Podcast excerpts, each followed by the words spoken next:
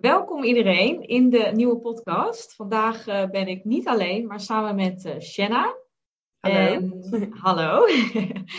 Wij uh, hebben al eventjes zitten kletsen en dat duurde al aardig lang. Dus het wordt nu tijd dat we hem echt op gaan nemen. Um, ja, en ik wilde Shanna eigenlijk al best wel een tijdje in de podcast hebben. ik volg haar al een langere tijd op Instagram. En nou, eigenlijk waardeer ik haar echt enorm om haar ja, openheid, kwetsbare kant, die ze eigenlijk dagelijks wel uh, bijna laat zien. Um, en ik herken vooral heel veel dingen van mezelf in haar ook. Dus um, heel veel herkenbaarheid in haar post. En ik denk ook voor jullie, zeker ook mijn doelgroep. Um, ja, Shanna heeft ook in het verleden een eetstoornis gehad. En nou, daar deelt ze dus heel veel over. Uh, dus het leek mij mooi om hier een aflevering samen over te maken. En ja, gewoon lekker onze gedachten daarover uit te wisselen. En mogelijk jullie daarmee uh, mee, ja, of te helpen, te inspireren. Of misschien uh, ja, zelfs te motiveren. Um, ja, Shanna, welkom. Ja, welkom. Ja, leuk, dankjewel. Ja, Fijn nou, dat ik zei... Sorry? Fijn dat ik hier mag zijn. Ja, nee, hartstikke leuk dat jij er bent. En um, nou ja, je stond al een tijdje op mijn lijstje. Dus uh, wat ik net zei, ik, ben, ik vind het super leuk dat je er bent. En nou, we hebben veel te kletsen, dus wie weet komt er ook uh, uh, ja, een serietje aan. Gaan we meer afleveringen opnemen, maar dat in ieder geval voor, voor later. Vandaag dus vooral over ook jouw persoonlijke verhaal. Um, zeker dan met betrekking tot de eetstoornis. Um, want die heb jij nou, een aantal jaar geleden uh, gehad. Je bent er inmiddels uh, ja, ben je hersteld, zoals we dat noemen. Ja. Hoe is die eetstoornis voor jou uh, ontstaan? Dat is altijd even terugdenken. En dat klinkt misschien een beetje gek, omdat dat toch zo'n ja, hele impactvolle ervaring is. Maar wat ik wel het, het. Ja, ik vind het eigenlijk bijzonder om te merken dat het enerzijds kan ik me het nog zo goed voor de geest halen dat ik zo aan het overleven was. En anderzijds voelt het echt als een, een ander leven, waar ik, al, uh, waar ik al heel lang afstand van heb gedaan. Um, ja, het ontstaan van mijn eetstoornis. Ik denk dat daar niet één oorzaak aan ten grondslag ligt. Het is in ieder geval, even denken. Ik zou zeggen dat de basis ligt in 2013. Dus dat is nu, uh, dat is nu al uh, negen jaar geleden. En toen was ik zelf uh, 16. Was ik zelf 16 jaar. Ik zat toen in 5 VBO. En zoals de meeste, of ja, de meesten hebben het beeld van iemand met een eetstoornis. Al is er wel nog een heel stereotypisch beeld dat dat iemand is die wil afvallen, die onzeker is, die uh, bijvoorbeeld gepest wordt of die er niet bij hoort, heel verlegen is. En ik was alles behalve dat. ik was uh, eigenlijk heel zelfverzekerd. Ik had stiekem best wel een hekel aan sporten. Ik, uh, ik verstopte me altijd bij de gym samen met mijn beste vriendin. En uh, ik had ook altijd bij, de, bij het sport op school had ik wel een smoesje waarom ik dan niet mee wilde doen. Ik, ja, ik, ik danste en dat vond ik gewoon, dat vond ik gewoon genoeg. En ik was eigenlijk ook heel zelfverzekerd over mijn uiterlijk. Ik was nooit slank of dun. Je zou me denk ik ook wel als vol bestempelen nu, maar ik was daar nooit onzeker over. Ik was juist een heel enthousiast, heel zelfverzekerd kind altijd. Um, dus destijds snapte eigenlijk ook niemand waarom ik een eetstoornis ontwikkelde. Omdat toen nog heel erg dat beeld er hing van mensen met een eetstoornis die houden niet van eten of die willen afvallen. Terwijl daar ging het bij mij ook helemaal niet om. Dus ik heb eigenlijk ook heel lang niet gesnapt waarom ik zo die controle zocht in eten. Dus wat ik nu als, als oorzaken noem, dat is vooral wat ik achteraf kan zien, wat toen allemaal uh, meegespeeld heeft. Um, ik zat toen in 5 VWO en dat was een heel druk jaar op school. Mijn ouders uh, lagen in scheiding. Nee, dat zeg ik verkeerd. Het was 2013. Er was veel spanning thuis. Laat ik het daarop houden. En ik denk dat ik die toen al heel erg voelde ik denk dat ik sowieso altijd als kind heel veel gevoeld heb, maar dat dat nooit echt gezien of erkend is. Ik was namelijk, um, ik was heel intelligent. Ik heb uh, een groep overgeslagen, van groep 3 naar groep 5 gegaan.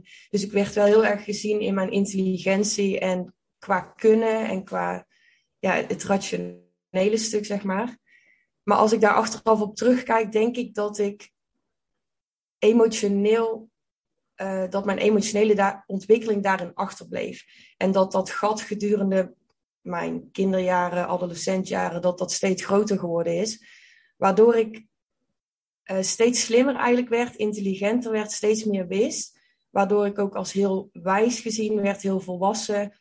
Ik kon veel zorg dragen, ik droeg veel verantwoordelijkheid, maar mijn, mijn emotionele ontwikkeling bleef daarin heel erg achter. Dus ik denk dat dat wel een beetje de, de basis was voor eigenlijk heel slecht zijn of slecht niet goed kunnen omgaan met emoties en met spanning en met uh, verandering. Het gevoel dat ik controle verloor. En als ik daar dus op terugkijk, dan denk ik dat vijf VWO zo'n jaar was waarin je gaat nadenken over ja, wat wil ik eigenlijk na het middelbaar onderwijs doen. Um, een belangrijk detail om wel te noemen is dat mijn moeder vanaf 2002 ook al lymfklierkanker had met verschillende chemokuren, bestralingen, waar ik op jonge leeftijd al zorg voor droeg. Voor haar werk, voor het huishouden. Dus alles tezamen zorgde denk ik ervoor dat ik, uh, ja, dat een soort van veilige basis een beetje wegviel. Dat ik heel veel voelde waar ik niet goed mee om kon gaan. Ik was sowieso heel perfectionistisch aangelegd. Dus 5 VWO, daar kwam bij mij heel veel prestatiedruk bij kijken het niet weten waar ik na het middelbare naartoe zou willen gaan. En uh, toen ben ik eigenlijk voor de grap een keer gaan hardlopen met mijn beste vriendin.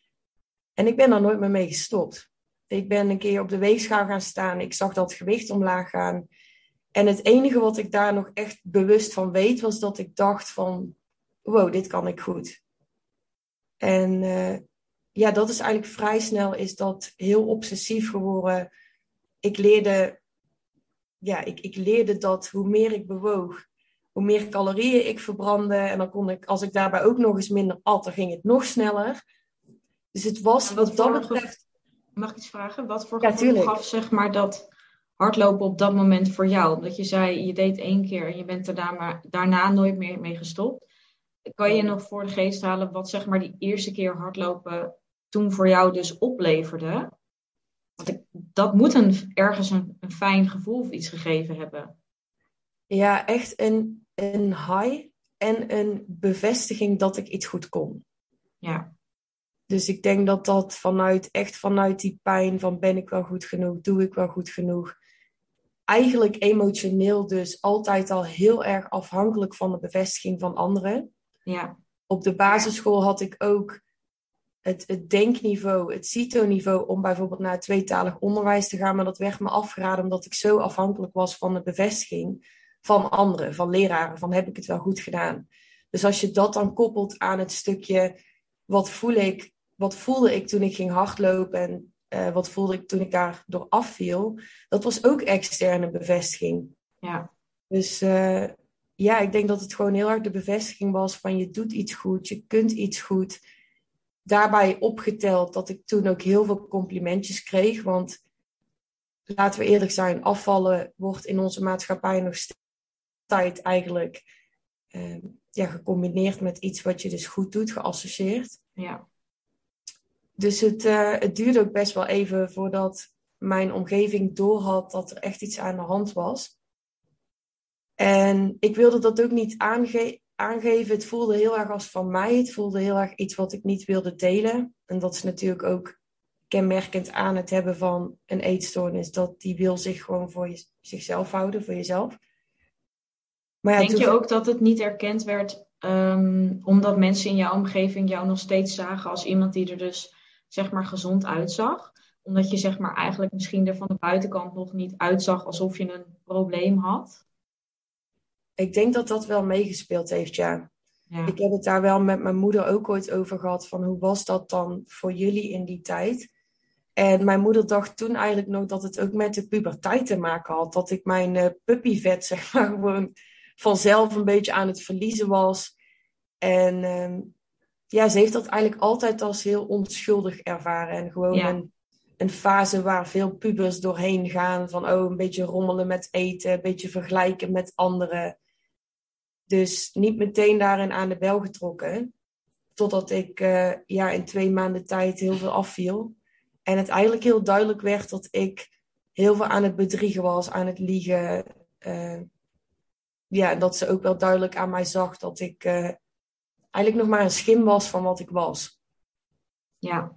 ja, er zat een veel diepere laag onder die niet aan de oppervlakte, aan de buitenkant voor hun te zien was. Ja, ja en toen is wel, dat was zeg maar in de periode van 2013 toen kreeg ik van mijn moeder de keus: ga je, je gaat of naar de huisarts of je gaat naar een diëtiste. Toen werd dus eigenlijk nog heel erg de nadruk gelegd op het moeten aankomen en weer normaal moeten gaan eten. En lang verhaal kort, ik ben toen weer normaal gaan eten, maar toen uh, ontstond quinoa en havermout en dat gekke eten destijds, wat nu helemaal normaal is, maar toen was dat echt een soort van gezondheidshype. Ja, voedingshype, ja. Voedingshype, ja. En een vriendinnetje van mij die model was, waar ik tegen opkeek, die at dat ook allemaal. Dus dat was voor mij zo van, nou, als zij dat doet, dan zal dat wel goed zijn. Maar dan wil ik verder geen aardappels, vlees en de Hollandse kost meer, maar dan wil ik alleen maar dat eten. Dus uiteindelijk ging ik dus ook weer gewoon eten in het, met het idee van, oh, nu ben ik dus nog steeds goed bezig. Ik ging daar ook heel veel bij sporten, krachttraining doen. Dus dat is denk ik een periode van 2013 tot 2016, waarin ik, als ik nu terugkijk, was ik, zoals je het nu zou bestempelen, gezond bezig. Wat ik dus ook heel erg in jouw posts herken, van heel veel sporten, calorieën bijhouden, perfecte macro's, genoeg stappen zetten. Daar was ik toen zelf ook van in de overtuiging. Totdat in 2016 dus mijn ouders uit elkaar gingen. Daar kwam wat er in hun relatie gebeurd was, um, kwam heel veel omhoog.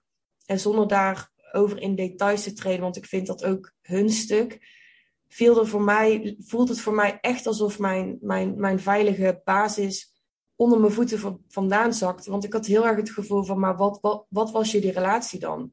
Wat heb ik dan, hoe kan het dat ik dit gezien heb, terwijl er blijkbaar allerlei andere dingen speelden?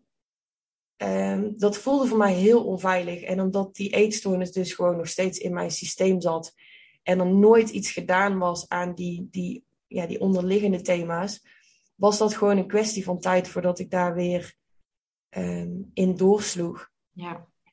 En uh, dan zitten we eind 2016 en als we dan fast forward, dan was het jaren daarna van uh, um, op de wachtlijst staan voor hulp, aftakelen omdat er geen budget was, opnames, deeltijdbehandelingen, maar allemaal nog zo of alleen maar gefocust op het eten en het aankomen, of alleen maar focussen op onderliggende thema's, terwijl ik daar fysiek nog helemaal niet toe in staat was om er überhaupt mee bezig te zijn. En uh, ja, toen ben ik in 2018 naar Bali gegaan. Dit, stuk heb ik laatst ook op mijn Instagram gedeeld. Dus mocht iemand daar wat meer over willen lezen, kun je dat ook in mijn highlights bekijken. Maar daar werd ik eigenlijk heel erg met mezelf geconfronteerd. Omdat ik daar uh, met Nadja van Os deelde ik daar een. Uh, zij begeleidde mij in een mindfulness traject. Kwam ik wat meer in contact met mijn lichaam. Voelde ik hoeveel honger ik had, hoeveel heimwee ik had naar mezelf. En dat heeft echt, echt het stukje helingswerk uh, ja, aangewakkerd eigenlijk. Daar begint wel mijn helingsjourney. Ja. Voor mijn gevoel echt. En um, dat moment dat je zeg maar bij haar dat traject inging, kwam dat vanuit jezelf? Was dat iets waar je zelf toe geroepen voelde? Of hoe kwam je bij haar terecht? Nou, in 2018 maakte ik die keus om naar Bali te gaan. Een beetje met het idee van, daar ga ik mezelf wel vinden. Zo super vaag, geen idee hoe. En ik was toen nog heel erg in de overtuiging dat het eigenlijk wel goed met me ging. Terwijl als ik daar nu aan terugdenk, was ik juist heel erg in de ontkenning. Dus ik voelde zelf wel een hele duidelijke ja, roeping om naar Bali te gaan. Dus ik had die keuze al gemaakt om te gaan. En toen kwam ik toevallig op Instagram Natja tegen en zag ik dat zij uh, ja, Nederlandse was gevestigd in Bali en dat zij mindfulness trajecten aanbood. Dus eigenlijk kwam dat toen ook allemaal een beetje op mijn pad. En voelde ik van oké, dit, is, dit is iets wat ik mag doen. Wat jij eigenlijk ook aangaf met die retreat. Dat je voelt van dit heb ik nodig. Ja. Zonder echt te weten waarom of wat het je dan gaat brengen. Ja. brengen. Ja. ja, de inhoud eigenlijk echt te weten. Ja, ja. ja absoluut. Ja, heel mooi, want dat heeft uiteindelijk voor jou uh, ja, dat herstelproces wat je net zegt, dus in gang gezet. Ja, en het, het begon in eerste instantie dus met het herstellen van mijn eetstoornis. En waar ik nog steeds heel erg achter sta, wat ik dus ook heel mooi vind wat jij deelt, is um, voor mij ging het in eerste instantie heel erg om rusten, rusten, rusten, rusten, rusten, stoppen met sporten en heel veel eten, omdat mijn lichaam zo'n groot tekort had. Uh, zowel een fysiek tekort, maar ook een, een mentaal tekort van dingen die ik me zo lang ontzegd had. Dus daar ontstond echt een, een soort van honeymoon fase waarin ik echt een hele lange periode, ja, ik denk wel 5000 tot 10.000 calorieën per dag at. En um, alles wilde wat los en vast had. Dus heel veel dingen met suiker, met vet, alle dingen die nu als ongezond bestempeld worden, die, die wilde ik toen. En dat heb ik mezelf ook toegestaan. En toen kwam ik dus fysiek aan tot mijn gezonde gewicht. Mentaal herstelde ik daarvan. Even in een notendop dan zo verteld. Ja. Dus toen was ik aan de oppervlakte een beetje ja, eigenlijk hersteld van mijn eetstoornis. Ik had hier en daar wat meegekregen van zelfliefde. En ik had het over de relatie met mijn moeder gehad. En dingetjes in mijn jeugd aangestipt. Dus het leek alsof, het, alsof de fundering was gezet. Ehm, maar toen op een gegeven moment, ja, corona kwam. Ik wilde eigenlijk weer naar Bali, maar dat ging niet door. Er gebeurde weer van alles. De, de, het voelde weer alsof mijn basis wegviel. En toen greep ik me toen greep ik naar mijn bedrijf. En dan kreeg ik daar weer een obsessie mee. En dan was ik daar weer bewust van: oké, nou, dat is dan ook weer oké. En vervolgens schoot ik in drank en drugs. Dus om het eventjes zo heel kort aan te stippen, het, het, het, het is voor mij nu heel duidelijk dat het nog op zo'n diepere lagen aandacht nodig had en heling nodig had. En dat daar nog zoveel pijn zat. En uh, waardoor die overtuigingen allemaal zo waar voelden, dat het eigenlijk allemaal een beetje hetzelfde was, alleen de uitingsvorm was anders. Ja. Dus ja, dat, heeft, dat heeft voor mij wel uh, heel belangrijk laten, heel duidelijk laten zien dat dat innerlijke werk en ook dus het, het ja, shadow work, hoe je het dan nu noemt, dus de delen van jezelf waar je liever niet naar kijkt en echt naar de pijn toe bewegen in plaats van daarvan weg, dat heeft mij nu echt al jarenlang meermaals laten zien dat dat er wel echt voor nodig is. Om echt naar die, die, die kern te gaan dan alleen maar symptomen te bestrijden. Want dat komt vroeg of laat toch uh, ergens tussendoor weer sijpelen. Ja, komt het weer naar boven. Ja, ik, ik herken dit heel, heel erg. Uh, zeker ja, hoe is jouw ervaring daarin dan? Nou ja, ik dacht dus ook heel erg uh, lang. Bij mij was het ook zo dat op het moment dat ik überhaupt heeft denk ik niemand, nou er zijn een paar mensen geweest, maar omdat ik er van de buitenkant niet ondergewicht zeg maar uitzag. Ik, ik, was wel, ik was wel te dun en ik had ook zeker wel ondergewicht, maar het zag er, het, het was een soort van sociaal ge, geaccepteerd, want ik was gewoon heel fit. Dat was wat, hoe het ook benoemd werd. En hoe de mensen mij zeg maar daarop aanspraken van ook heel erg die positieve benadering van, oh, je bent veel afgevallen en je ziet er fit uit en je, oh, wat sport je veel, wat goed, weet je wel. Waardoor ik heel erg daarin gevoed werd. Uh, maar vooral dus mijn, mijn lijf van de buitenkant eruit zag alsof ik dus geen probleem had. Waardoor het voor mij zelf ook heel moeilijk was om dus ja, dat te erkennen van, oh, ik heb een probleem. Terwijl diep van binnen wist ik wel van, hmm, ik voel me heel erg benauwd in mijn levensstijl. Ik, ik, alsof ik hier niet uit kan. Ehm, maar ja, niemand die zei dat ik een probleem had. Dus dan was het er ook niet. En dat is bij mij heel lang een groot probleem geweest. Dat ik het zelf niet kon herkennen, maar de mensen om mij heen eigenlijk ook niet. En nou is het natuurlijk totaal niet hun verantwoordelijkheid. Maar um, het maakte wel dat het voor mij heel moeilijk was om daar dus uit te komen. En dat is wat ik nu ook heel erg probeer te laten zien. En wat je ook dus bij jou terugziet. Van je kan er dus wel het is, het, is mentaal. Het zit echt in je, in je hoofd. En het, het heeft niks te maken met. Tuurlijk, uh, voeding en je lichaam is een middel. Maar dat middel kan inderdaad weer op andere vlakken ook terugkomen. Dus wat jij ook aangeeft met bijvoorbeeld je bedrijf. Ik merkte inderdaad ook op een gegeven moment dat toen ik meer, ja, mijn voeding, et cetera, dat allemaal onder controle was. Mijn gewicht was weer wat gestegen. uh, dat ik ook heel erg mijn bedrijf was weer mijn nieuwe middel ook om te laten zien van jongens, ik kan het. En heel erg die bewijsdrang en controle. Want als ik maar veel werk, dan, dan gaat het goed en dan hou ik dat ook zo. En ja, en dat laat heel erg zien dat het probleem kun je inderdaad, je kan het wegnemen door je lijf zeg maar te veranderen en weer meer te gaan eten. Maar als je niet verder daarmee aan de slag gaat, dan gaat, ja, kom je jezelf op andere vlakken daarin weer tegen. En ehm, nou ja, een heleboel posts van jou hebben mij ook laten inzien van dat ik het zelf zeg maar al, ook al wist bij mezelf. Maar omdat ik het dan bij anderen las, dat ik dacht van, oh ja, weet je wel, ik, ik ben niet gek. Dit is gewoon weer dat wat bij mij naar boven komt. Um, ja. Waardoor ik het weer meer kon herkennen of erkennen en, en er dus mee aan de slag kan ook. Um, ja. Ja, en ik denk dat het ook heel goed is om te beseffen dat, um, zeker als je hierin zit of als je hiermee mee struggelt, dat ja, het is niet zomaar dus opgelost. En verwacht dat dus ook niet van jezelf. Want je gaat jezelf echt nog honderd keer tegenkomen. En niet om je daarin te, te ontmoedigen, maar wel om te laten zien van, ja, ga er wel mee aan de slag met, met vooral hetgeen wat dus dieper zit en, en leer jezelf kennen. Um, ja. Want ja, hoe moeilijk dat ook, is, ik denk dat jij dat ook kan beamen, dat het uiteindelijk wel ja, zoveel dus meer die vrijheid oplevert en zoveel meer ja, dus wel brengt um, wat je nodig hebt. Ja, ik vind het mooi wat je zegt. Ook het stukje, daar herken ik me in. Volgens mij deelde ik daar gisteren iets over en jij laat ook in een post. Over um, dat je ooit het gevoel kunt hebben, of in ieder geval ik had dat, van oké, job done. Ik heb een retreat gehad, ik heb een ik heb een één op één traject gehad, ik heb een coachingscursus gevolgd of wat dan ook.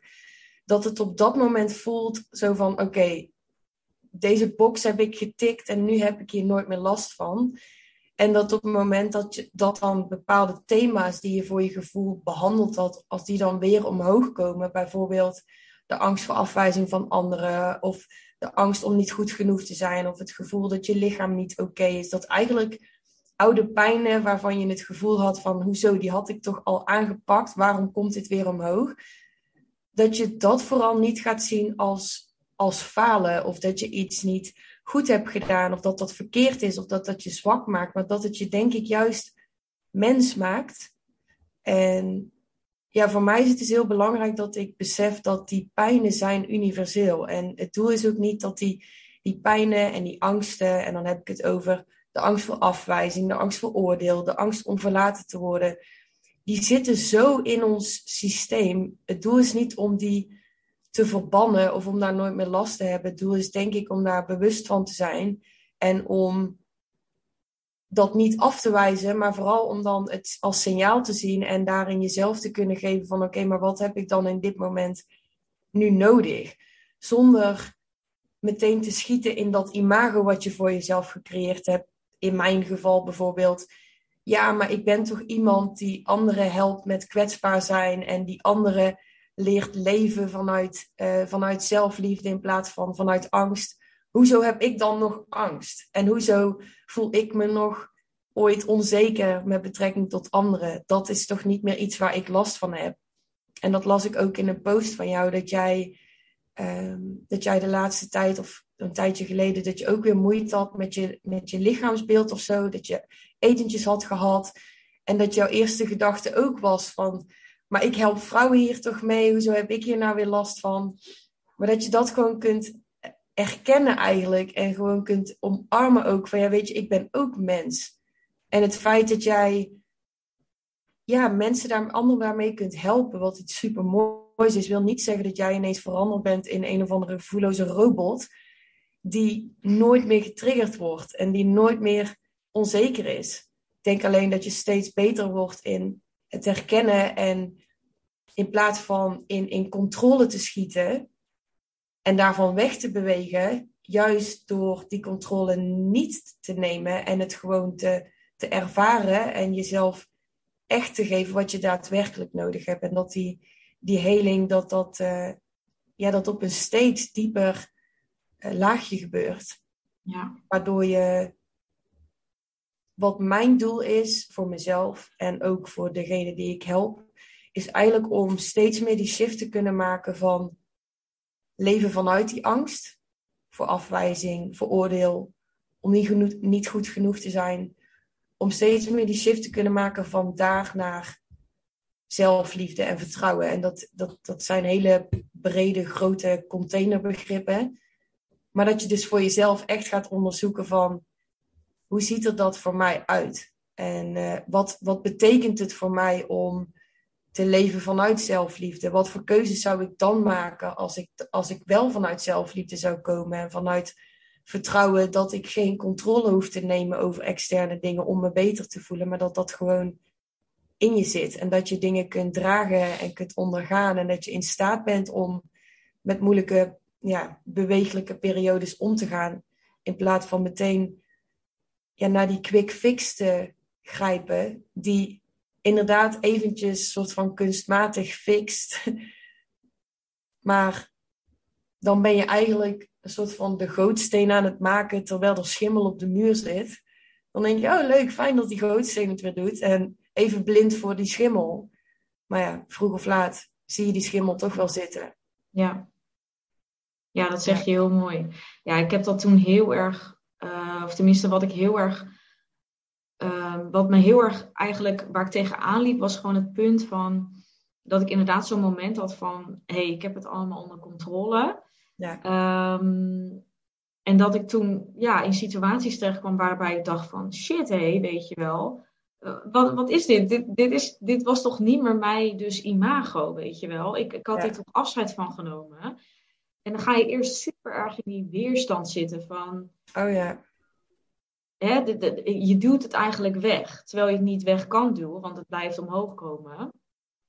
En het was voor mij zo'n moment van, oh ja, nu ben ik aan het falen, weet je wel. Ik, ja. ik, ik ben weer terug bij af. En nu weet ik gewoon heel erg van, het is zo normaal om eigenlijk deze, om continu hiermee bezig te zijn en om te blijven ontwikkelen. Dat doe je sowieso natuurlijk altijd. Um, maar je hebt het zo lang, zo lang op een bepaalde manier, zeg maar, bepaalde dingen zo gedaan. Het was dus jouw veilige haven het is zo logisch dat je zelf, ja, dat je dat weer tegen gaat komen.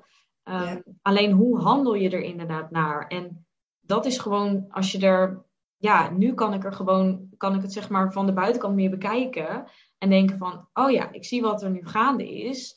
Dit is wat er afspeelt. Ik weet, ik heb misschien nu wat meer negatieve gedachten. Ik voel dat ik eigenlijk, hè, bij wijze van weer meer wil gaan sporten of weer mezelf dingen wil ontzeggen maar ik doe het niet. En dat is zo um, ja, mooi als je op een gegeven moment steeds meer gaat vertrouwen in jezelf. Van oké, ik heb die stemmen, ik, ik, ik, ik heb dat ego dat tegen mij praat.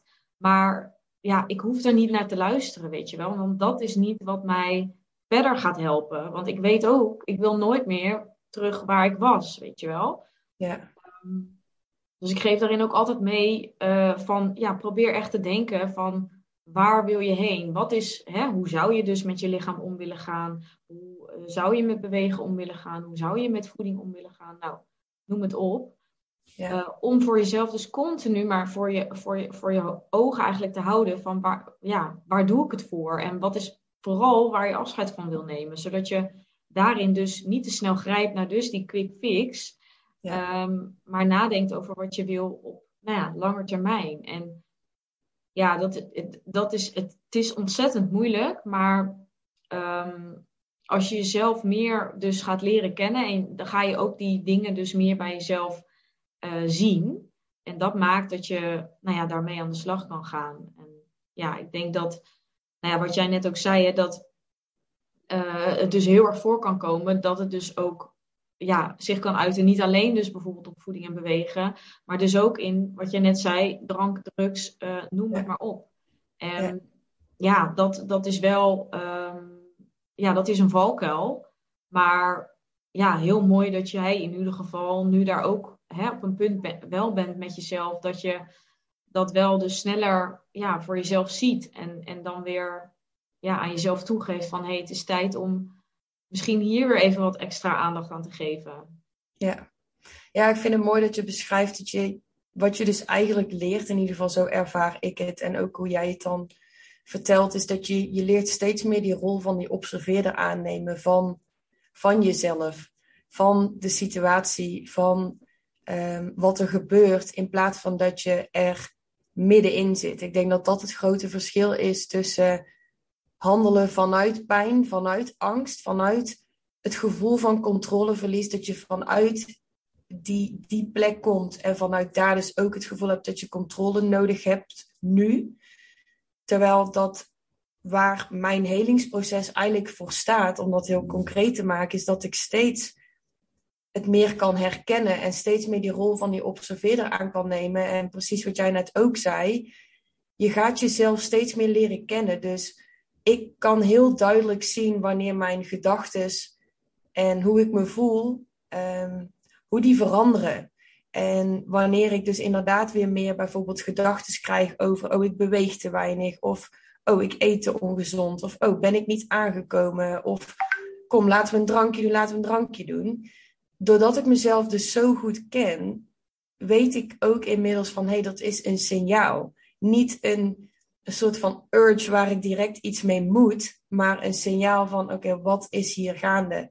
En precies wat je dan zegt, dat je met jezelf kunt zitten van oké, wat is hier aan de hand? En wat heb ik daadwerkelijk nodig, wat niet alleen maar nu de situatie even makkelijker of draaglijker maakt, of wat nu eventjes de pijn verzacht, maar wat ook duurzaam is, waar, waar, waar ik als, als persoon, als ziel eigenlijk, ook op langere termijn iets aan heb.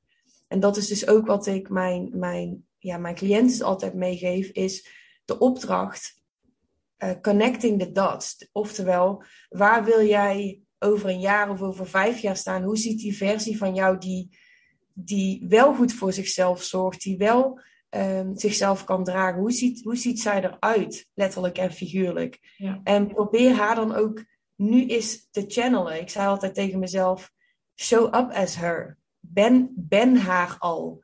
En niet.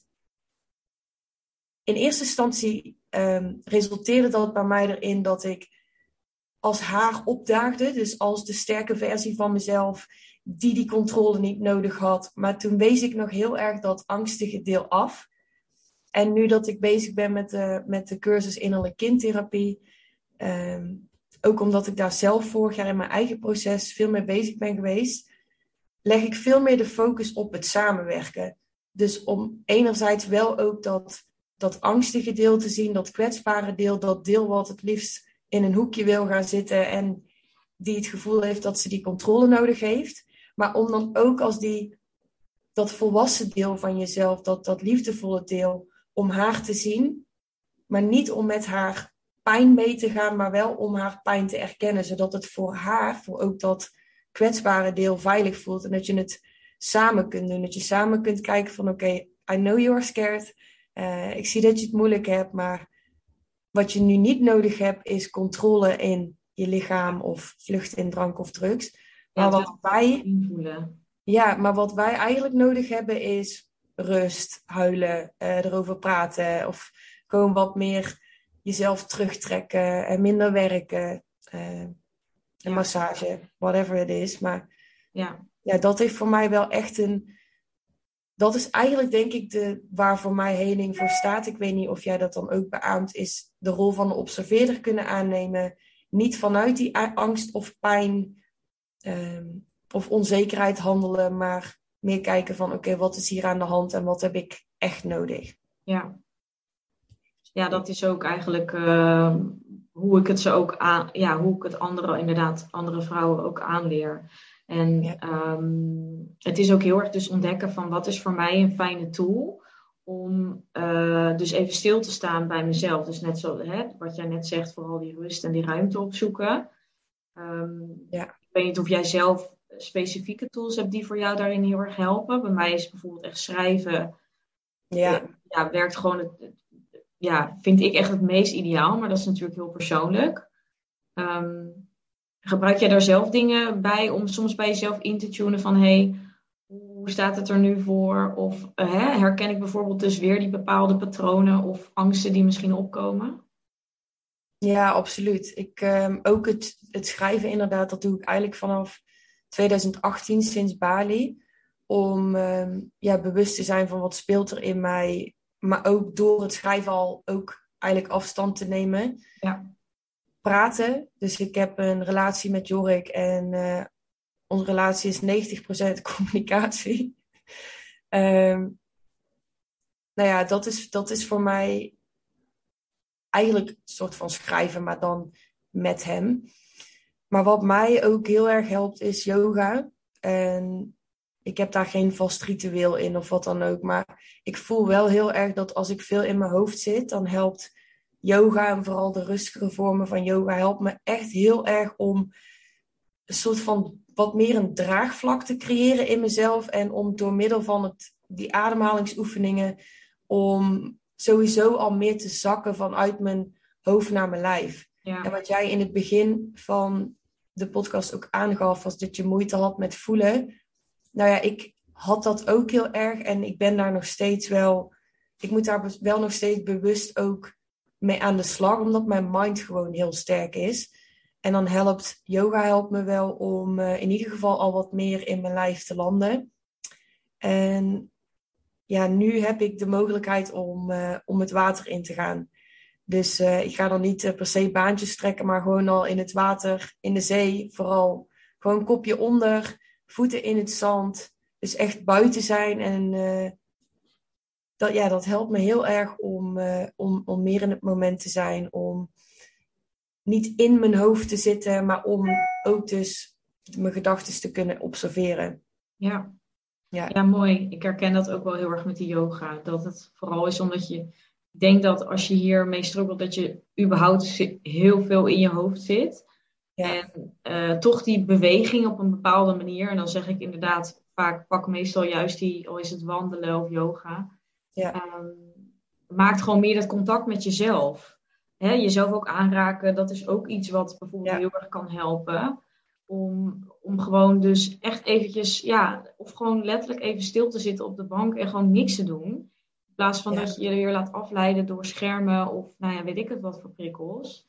Ja. Ehm, daardoor ga je dus veel meer in je lijf zitten inderdaad. En, en ga je dus meer voelen. En dat voelen is zo belangrijk. Ja. Ja, en tegelijkertijd ook het, hetgeen wat we het allerlastigst en het allerengste vinden. We, hebben dat, we zijn dat natuurlijk niet voor niks gaan ehm, vermijden. Dus ja, be gentle with yourself. Weet ook dat dat heel veel tijd nodig heeft. Kijk, als jij bij wijze van al 24 jaar in je hoofd spendeert, dan is het ook, je kunt dan niet van jezelf verwachten dat je met drie yogalesjes, eh zeg maar, volledig in je lijf zit en perfect, whatever it means, in staat bent om alle emoties te kunnen voelen. Dat, dat hoeft niet. Als je maar kleine stapjes maakt om bijvoorbeeld in plaats van een uur te Netflixen, ga eventjes een uurtje op bed liggen. Doe een ademhalingsoefening. Ook al begin je maar met vijf minuten. Die kleine verschilletjes en dat rustig aan ook onderdeel maken van, jou, van jouw dagelijks leven. In plaats van dat je een soort van sprint gaat trekken en dan ineens alles omgooit omdat je wilt voelen. Ik denk dat dat niet haalbaar is. Ik denk dat je dan ook heel snel weer gewoon vervalt in oude patronen, omdat, het, uh, omdat je het niet echt integreert in je leven. Dus voor mij heeft dat, voor mij heeft het ook best wel veel jaren gekost om, om er echt achter te komen van wat vind ik dan fijn? En ook van jezelf accepteren dat dat ook mag veranderen. En dat ik op sommige periodes doe ik helemaal geen yoga. En nu de laatste tijd ben ik het weer meer aan het doen. Dus om ook daar zelf aan te mogen voelen van uh, wat vind ik prettig? Want er zijn natuurlijk zoveel. Ja, je kent ook wel een beetje de dead girl trend op Instagram. Dat je dan een perfecte ochtendroutine met en dit en dit en dit en dit en dit. En ik weet nog van mezelf dat ik me daar zo onder druk gezet eigenlijk door voelde. Dat ik zo het gevoel had dat ik ook daarin iets verkeerd kon doen. Wat natuurlijk volledig in strijd is met wat je er eigenlijk mee wilt bereiken. Je wilt eigenlijk juist momentje van rust, momentje van kunnen zakken in je lijf. Terwijl als het een moedje is, schiet je natuurlijk alleen maar meer in je hoofd. Dus dat is wel ook een, ja, een, een tip of iets wat ik mee wil geven aan degene die luisteren, die of zich hierin herkennen of die juist meer willen oefenen met in je lijf zakken, is ten eerste, ehm, ja, het is heel cliché, maar doe wat voor jou goed voelt. Maar geef jezelf daarin echt de ruimte om uh, daarin te mogen spelen, te mogen onderzoeken, te mogen uitproberen, te mogen veranderen. En ten tweede, baby steps. Twee minuten per dag een ademhalingsoefening doen is al meer dan niks. Ja. En uh, ja, wat ik de laatste tijd ook wel eens vaker doe, is uh, aesthetic dance. Dus ik ga binnenkort ga ik naar, ook naar een, uh, een eerste, ja, het is geen les, het is gewoon een bijeenkomst eigenlijk. Ja. Maar nu doe ik het wel eens gewoon met mijn telefoon en dan gewoon 10 minuten dance like nobody's watching is het eigenlijk. Het is volledig, ja, je lichaam mee laten bewegen met de muziek in plaats van dat jij met je hoofd bedenkt wat voor pasjes je moet doen. En ik merk enerzijds dat het me heel erg helpt om mijn lichaam te laten bepalen wat er al voor zorgt dat ik in mijn lichaam zit. Maar anderzijds moet ik ook wel zeggen dat ik nog steeds um, het ooit ongemakkelijk vind, waardoor ik om mezelf moet lachen, maar dat lachen zorgt er ook weer voor dat ik uit mijn hoofd kom. Ja. Dus uh, ja, ik vind dat af en toe ook wel heel lekker om te doen. Ja. Heb jij dat ooit gedaan? Ja, grappig dat je dat zegt. Ik heb het, uh, nou, ik kreeg het ooit als. Um, uh, ik heb ooit een relatietherapeut gehad en zij gaf mij dus ook heel erg de tip om dus op die manier dus in, meer bij mijn gevoel te komen. Ja. Um, en toen stond ik een aantal keer in mijn kamer en dacht ik echt van wat ben ik aan het doen? dat zeg ik heel eerlijk. Ja. Um, maar nu in mei dus bij het retreat gingen we dat natuurlijk ook doen. Hebben we dat eigenlijk best wel heel veel gedaan. En toen was het voor mij zo'n andere ervaring, omdat ik ook anderen het zag doen. Uh, Ja. Wat voor mij dan weer de, de, ja, het, het gevoel gaf van, oh ja, het is toch normaal, hè, tussen aanhalingstekens. Ja. Ehm, ja, dat slaat natuurlijk helemaal nergens op, maar dat zijn weer mijn eigen stukken. Mhm. Maar ehm, ja, en toen merkte ik, want ik, ik hou van dansen. Ik vind dansen geweldig. Ik bedoel, Ja. uitgaan en zo. eh, ja, zie je mij de hele avond eh, bewegen. En, en toen, ja, toen switchte er zoiets in mijn hoofd van, ja, fuck dit weer. eh, laat het gewoon los en beweeg gewoon. En ja, toen vond ik het eigenlijk zo, ten eerste heel erg leuk. En ten tweede ook merkte ik zo opeens van, kreeg echt zo'n moment van, zeker toen ik mezelf, als je jezelf dan een soort van omhelst, van, oh ja, ik voel ook Ja. echt die, die knuffel naar mezelf. Ehm, en dus ook die liefde naar mezelf. En toen dacht ik echt van, ja, dit werkt, weet je wel. En toen was dus, ja, toen shifte er zoiets in mijn hoofd. Ja, en sindsdien doe ik het dus ook. Ehm, ja, niet iedere dag, maar doe ik het dus wel eens. Ja, en dat werkt, ja. Werkt voor mij ook heel fijn. Dus, eh, maar dat is dus echt ook iets voor mij wat ik ja, sinds kort dus toepas. Maar ja, ik dat je het dus zegt. Ja, het is wel, eh, ja, het is een hele mooie manier, denk ik. Ja, Ja. Ehm, Ja, ik vind, ik moet zeggen, toen ik, ehm, toen ik vaker drugs gebruikte, voor, voor sommigen was drugs, voor de meeste wat ik ervan hoor, is vooral energie en, en, en ehm, een beetje losgaan en, en blijdschap. Voor mij was het juist rust. En connectie met mezelf. En, en, en met anderen. Dus echt weer die verbinding voelen. En dat had ik zeker eh, toen corona, die regels heel extreem waren, was dat natuurlijk ook hetgeen waar ik de grootste behoefte aan had. Met iedereen met mij, denk ik. Maar ik merk dus, dat vind ik dus ook weer het mooie aan aesthetic dance. Daar is het dus verboden om, om drugs of drank te gebruiken. Om je juist te laten ervaren dat als jij daar echt je aan over kunt geven, zoals je net ook al aangaf, dat jij die, die high eigenlijk van binnenuit kunt oproepen. En ik ben hier pas net mee begonnen. En wat ik al zei, ik ben nog nooit echt naar zo'n bijeenkomst geweest. Staat op de planning.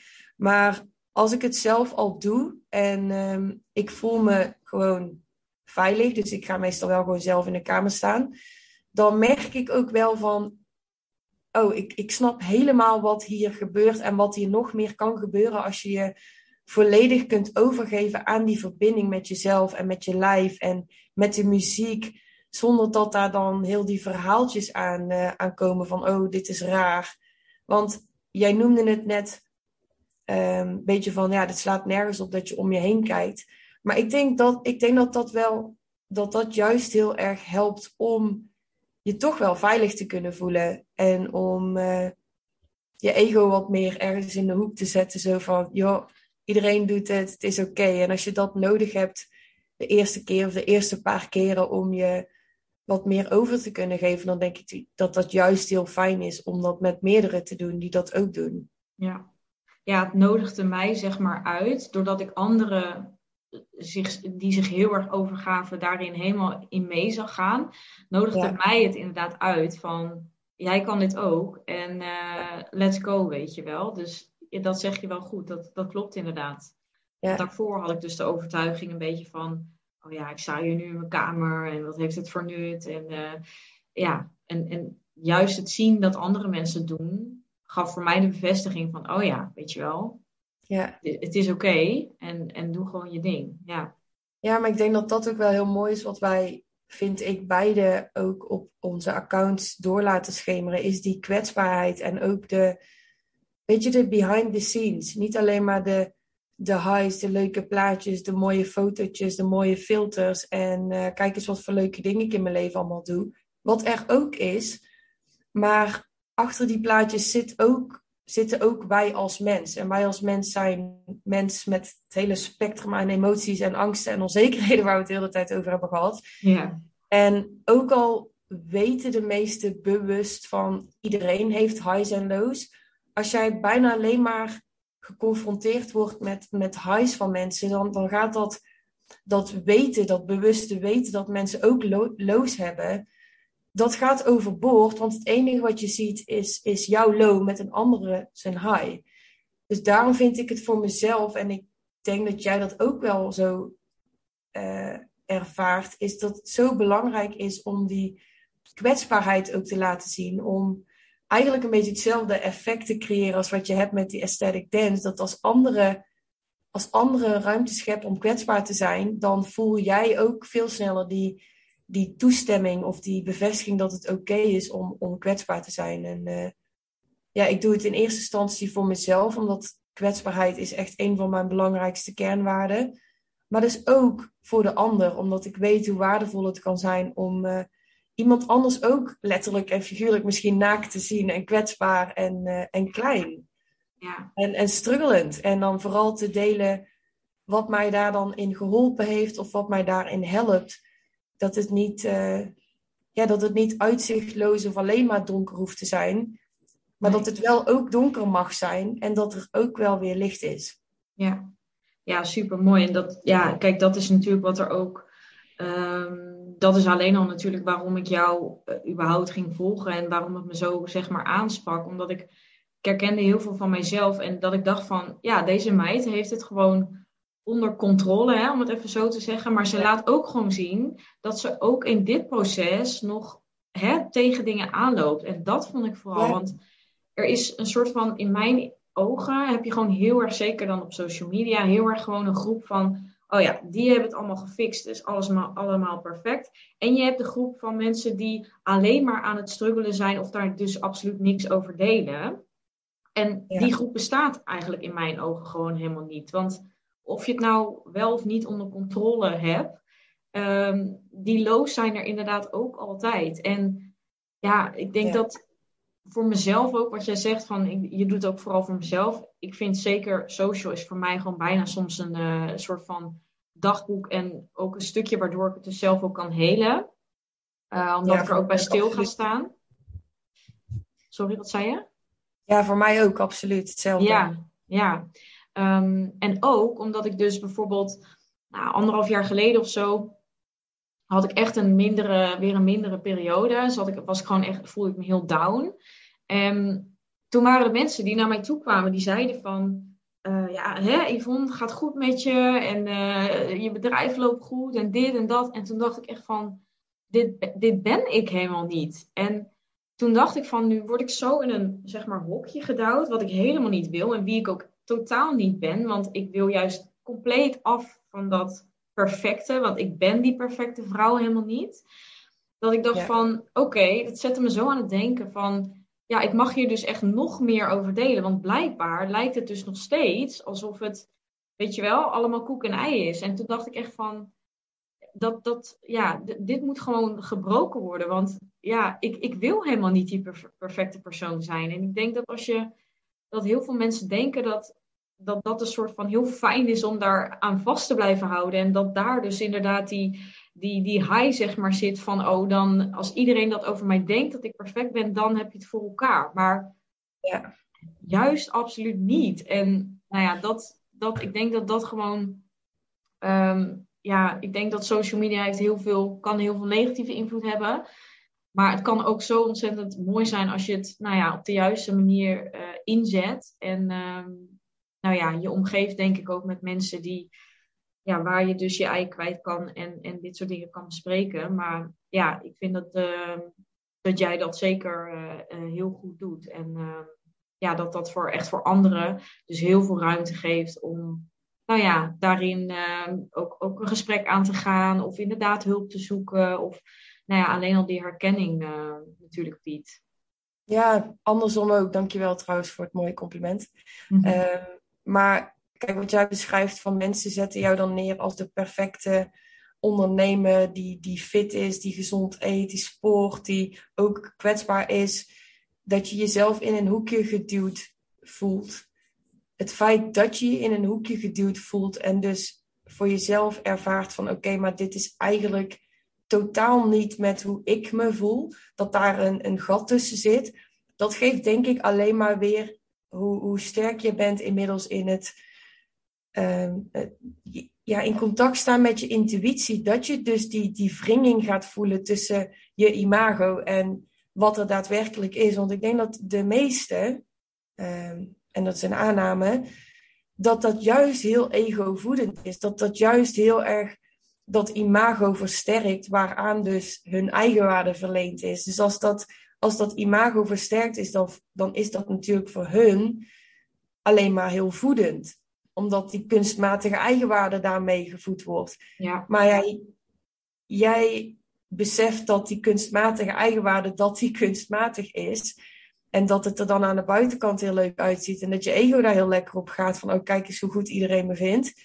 Maar je bent voor zo sterk in, in, in, in contact met je intuïtie dat je dat gat wringt. En die wringing, daar kan je niet meer mee dealen. En daar herken ik mezelf dus ook heel erg in. Dat het ooit veel makkelijker, denk, voor mezelf vind ik het ooit lijkt me makkelijker om gewoon niet zo bewust te zijn. En ook om lekker gewoon me vast te kunnen hangen aan dat imago. Ehm, dus soms ervaar ik het als een curse om zo dicht bij mijn gevoel te staan. Maar over het algemeen vind ik het juist een, een blessing. Omdat het je iedere keer weer in staat stelt om ja, te, course correcten eigenlijk. Om te gaan ervaren van oké, iets wringt hier. Wat wringt hier? Dit komt niet overeen met mijn belangrijkste kernwaarden. En voor mij is dat vrijheid, uh, kwetsbaarheid en authenticiteit. En uh, transparantie hoort er eigenlijk ook bij eerlijkheid. En dan uh, ja, dat, die zie ik bij jou ook heel erg terug. Dus dan wordt die kernwaarde van, van transparantie, van authenticiteit, van eerlijkheid, wordt dan gewoon aangetast op het moment dat jij blijkbaar voor de buitenwereld iets anders uitstraalt dan hoe jij je van binnen voelt. Dus ik vind het alleen maar heel bewonderenswaardig dat je dan toch ervoor kiest om dat perfecte imago, om daar eigenlijk uh, een soort van scherf in aan te brengen en te, aan te geven van dit klopt niet. Ja. Dat is heel, ja, ik vind dat heel krachtig. Ja, dat is niet van je. Dankjewel. Het heeft uh, lang geduurd, dat moet ik wel, dat zeg ik er gelijk bij hoor. Want uh, dat, ja, het lijkt nu van, uh, hè, dat heb je zo onder controle, maar dat, dat is absoluut niet. Dat is een heel proces in jezelf. Maar ja, het, het, het wint wel inderdaad van het feit dat je, als je dat negeert, of als je die, die wrijving, hoe jij het dan zegt, heel mooi um, ja, voelt, dan, dan bevestig je eigenlijk, als je dat er niet laat zijn, dan bevestig je eigenlijk dat die echte persoon wie jij bent er dus niet mag zijn. Ja. En die maak je dan heel klein. En dat is waar ik dus niet aan mee wil werken. Dat ik denk van, nee, weet je wel, ik, ik, iedereen is gewoon goed zoals die is. En mag er zijn zoals die um, ja, er wil zijn. Um, met ook ja, highs en lows. En denk dat dat accepteren en, en toelaten, ja, dat is, dat is denk ik heel mooi. Ja. ja, en dat zeg je mooi, dat je anders dat, dat deel, dat kwetsbaar deel wijs je af. Maar ik, geloof heel erg in, en dat heb ik zelf ook ervaren, dat zolang jij delen van jezelf afwijst, zul je je nooit volledig thuis voelen in jezelf. En ik geloof heel erg in dat het gevoel van veiligheid in jouzelf zit. En wat dat voor iemand anders betekent, dat mag je zelf gaan ondervinden. Maar wat voor mij veiligheid in mezelf betekent, is dat ik er altijd voor mezelf ben. En dat ik alles van mezelf er laat zijn. Precies wat jij net ook zei. De, de mooie kanten van mezelf. Maar ook mijn, mijn, mijn ego-kant. Mijn, uh, mijn manipulatieve kant als ik me in het nauw gedreven voel. Mijn jaloerse kant als ik het gevoel heb dat ik mijn zin niet krijg of niet gezien word. En dat proces van eigenlijk die, ja, die schaduwkanten aankijken die je het liefst voor de meeste mensen weghoudt. Want tussen haakjes, die zijn niet mooi of die horen er niet te zijn. Dat was eerste instantie voor mij heel confronterend om, uh, om dat maar eens over jezelf te zeggen. Dat je af en toe gewoon een jaloers manipulatief kreng bent. Ja, ja. Maar het stelde mij wel heel erg in staat om mezelf in mijn volledigheid te accepteren. En niet alleen maar het feit dat ik zorgzaam en lief en, en slim ben, maar ook die andere kant, die naar mijn idee iedereen heeft, waar ik verder geen oordeel op heb, maar waarvan ik wel hoop dat de ander dat ook in zichzelf kan accepteren, waardoor ze zich in zichzelf gegrond en veilig voelen. En dat ze niet. Uh, dat je niet alleen maar externe dingen nodig hebt om dat dan dat gevoel van veiligheid maar te ervaren. Wat ja, een illusie is, want het is echt schijnveiligheid. Want als dan die externe factor wegvalt, wat dan? Ja, ja precies. Nee, dat, dat klopt helemaal. En ik denk ook dat ja, sowieso iedereen heeft natuurlijk ook alle emoties. En ja, ik moet er gelijk aan iets denken. Ik had bijvoorbeeld, even ter voorbeeld, uh, bij mezelf had ik heel erg van uh, ik ben een, een, een, vrouw die nooit boos wordt. Dus ik oh, wees heel erg de, de emotie boosheid, wees ik zeg maar bij mezelf af. Ja. En uh, wat ertoe leidde is dat het ook uh, op het moment dat ik ergens boos over ben, dat ik het dus eigenlijk over mijn grens heen ga, omdat ik dus niet boos wil worden. Ja. En dan zit je er zelf mee en loop je zelf tegen dingen aan. Dus je, het is totaal ja, niet lief naar jezelf toe om dat soort dingen niet toe te staan. Natuurlijk kan, hè, want dan ga je natuurlijk weer te veel te veel aan een ander denken van, oh, ik mag niet boos zijn, want het is niet leuk voor de ander. Maar nu, als je het afwijst, is het niet leuk voor jezelf. Dus weet je, en het is belangrijk natuurlijk om met emoties überhaupt om te kunnen gaan en om ze binnen beperken, zeg maar, te houden. Ja. Maar weet dat als je dat dus wel afwijst, of in die zin, hè, wat dat dan ook is bij jou, dat je ook um, ja, jezelf tekort doet in die zin. Ja. ja, absoluut. En ik herken dat voorbeeld van boos, niet boos mogen zijn ook heel erg. En dat was bij mij heel lang een onbewuste overtuiging. Ik dacht vooral dat ik wel boos mocht zijn, maar als ik dan echt naar mijn gedrag keek, iedere keer dat ik dan boosheid voelde, dan implodeerde ik. Terwijl ik normaal heel verbaal ben en me heel goed kan uiten. Maar iedere keer als ik boosheid voelde, dan, dan ik implodeerde. Ik kon niks, ik zei niks meer, ik trok me terug. Dus zo ben ik er ook wel achter gekomen dat daar inderdaad ook zo'n onbewuste overtuiging zat van uh, ik mag niet boos zijn. Ja. En ik vind het wel heel mooi dat je zegt van um, dat je je emoties binnen de perken moet houden.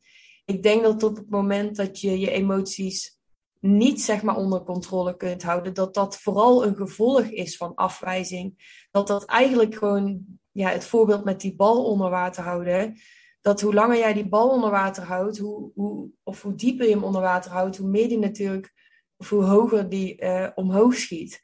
Dus op het moment dat je bepaalde emoties afwijst, omdat je bang bent dat ze schade aanrichten bij een ander, denk dat je uiteindelijk juist het averechtse bereikt, omdat het zich zo opstapelt, dat het dan of leidt tot van die woede-uitbarstingen, of juist de vermijdende kant op, uh, drank, druk, zelfbeschadiging, eetstoornis, whatever. Ja. Dus uh, ik vind het wel mooi, Jan Geurts noemt dat altijd een uh, contraproductief patroon. Ja, Iets waarvan je het ene mee wil bereiken, maar waarbij je het juist in stand houdt en ergert. Ja, en dat is natuurlijk precies hetzelfde als met waar we het eigenlijk helemaal het begin over hadden. Met jezelf uh, voedingsrestricties opleggen. Wat jij dan hebt gevoeld ja. in extreme honger. In het moment dat je natuurlijk je herstel ingaat. Dat alles wat je jezelf heel erg hebt uh, ja, ontnomen. wil je daarna alleen maar extra. En ja, dat is, dat is in dat geval eigenlijk, uh, heeft betrekking op alles. Ja, ja. ja absoluut. Super mooi uh, dat, ja, ik kan er wel heel urenlang doorkletsen. Ja, same. Ik was net ook aan het kijken. Hoe ver zijn we? We zijn al een uur. Ik denk als we zo doorgaan dat we hier over drieën nog zitten. Ja, um, ik wil het wel even goed afsluiten in die zin van, um, is er iets over dit nou ja, onderwerp, onderwerpen, want we hebben wel uh, het een en ander besproken nu, wat je, um, ja, wat je nog zou willen delen of kwijt erover wilt? Een hele open mm. vraag. ja, dat klopt. Um, ja, er is wel iets wat ik daarover wil delen. Is ook weer een heel open antwoord. Is wijs jezelf niet af. En daarmee doe ik vooral op, op het moment dat je je bewust wordt van je kopingsmechanismes, van je overlevingsstrategieën. Heb daar dan begrip voor. Ook al is het in feite destructief. Kijk, alcohol- en drugsmisbruik is destructief, een eetstoornis is destructief, zelfbeschadiging is destructief, jezelf overwerken is ook destructief. Maar het heeft wel een functie. En ja, wat ik dus vooral daarmee wil geven is, accepteer dat het er is, ook al had je gewild dat het er niet was. Maar kom dus vanuit een plek van acceptatie van hoe het is, in plaats van vanuit een plek van afwijzing dat het anders zou moeten zijn. Want anders gaat er zoveel energie, zoveel schuldgevoelens gaan er na de afwijzing van datgene wat er is, terwijl die energie ook omgezet zou kunnen worden in juist constructief kijken van oké, ik accepteer dat dit is wat is.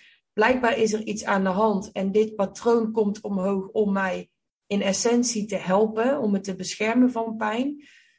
Wat kan ik doen om mezelf daadwerkelijk te helpen? Dus dat is denk ik wel belangrijk. ja, iets belangrijks wat ik wil delen, omdat, het, uh, omdat ik me heel vaak slecht en schuldig heb gevoeld, omdat ik dan weer in een patroon vervallen was. En mezelf daar dan heel erg voor afwees en uh, mezelf bestempelde als emotioneel instabiel. En daar heb je haar weer. En waarom kan het met mij ook nooit goed gaan? Maar ja, daardoor verviel ik alleen maar in negativiteit en slachtofferschap. En uh, werd het er juist niet beter van. Dus dat is wel iets wat ik geleerd heb, wat ik heel graag nog wil delen. Ja, ja mooi. Ik, uh, ik herken het ook weer heel erg. Maar ja, ik denk dat dat ook wel een van de grootste, nou ja, de overkoepelende boodschap is van deze, van deze podcast. Dat um, hoe jij je ook voelt, hoe je uh, er nu ook in staat, zeg maar. Hè? Um, misschien heb je inderdaad problemen met rondom eten, lichaam, nou ja, noem het op. Ja. Um, dat het er dus mag zijn. En nou ja, vanuit acceptatie kun je ook verder groeien. En ja, ik denk dat, dat, uh, dat je dat heel mooi gezegd hebt. Ja, dankjewel. Ik vond het heel fijn om hier te zijn. En uh, super leuk om je soort van semi in het echt te spreken. Zeker, ja, is toch even anders. Ja, ja, ja en als het aan mij ligt, dan uh, kom ik nog een keer terug om het over meerdere thema's te hebben. Want ik denk dat het enerzijds uh, vind ik het uh, hartstikke leuk. En anderzijds denk ik dat het juist super belangrijke thema's zijn om, om te bespreken. En dat het niet alleen maar vage concepten blijven als zelfliefde en acceptatie en compassie en vrijheid. Maar dat je daar ook echt een, ja, een heel kwetsbaar beeld van zowel van jou als van mij bij krijgt. Van hoe ziet het er dat dan echt uit? En dat je dus echt kunt ervaren van wow, ik ervaar dit ook zo. Ik heb dit ook zo. En je kunt zien dat je daarin echt niet alleen bent. Want je weet het waarschijnlijk, maar ergens misschien ook weer niet. Ja, ja nee, daar ben ik helemaal mee eens. Lijkt me ook um, heel mooi. En nou ja, ik wil je sowieso super bedanken voor dit mooie gesprek. Ik denk dat heel veel mensen. Ja, ik denk dat heel veel mensen er heel veel aan gaan hebben. En um, nou ja, ik zie je inderdaad heel graag uh, nog een keertje. Um, ja, ik hoop natuurlijk dat jullie er uh, iets aan gehad hebben. Als jullie vragen hebben voor Shanna of voor mij, laat het ons uh, vooral weten. Ook leuk als je geluisterd hebt en je hebt er misschien inzichten of mooie dingen uitgehaald, dat je dat uh, even laat ons, aan ons laat weten. Dat zouden we super leuk vinden. En ja, tot de volgende keer. Bedankt voor het luisteren. Dankjewel.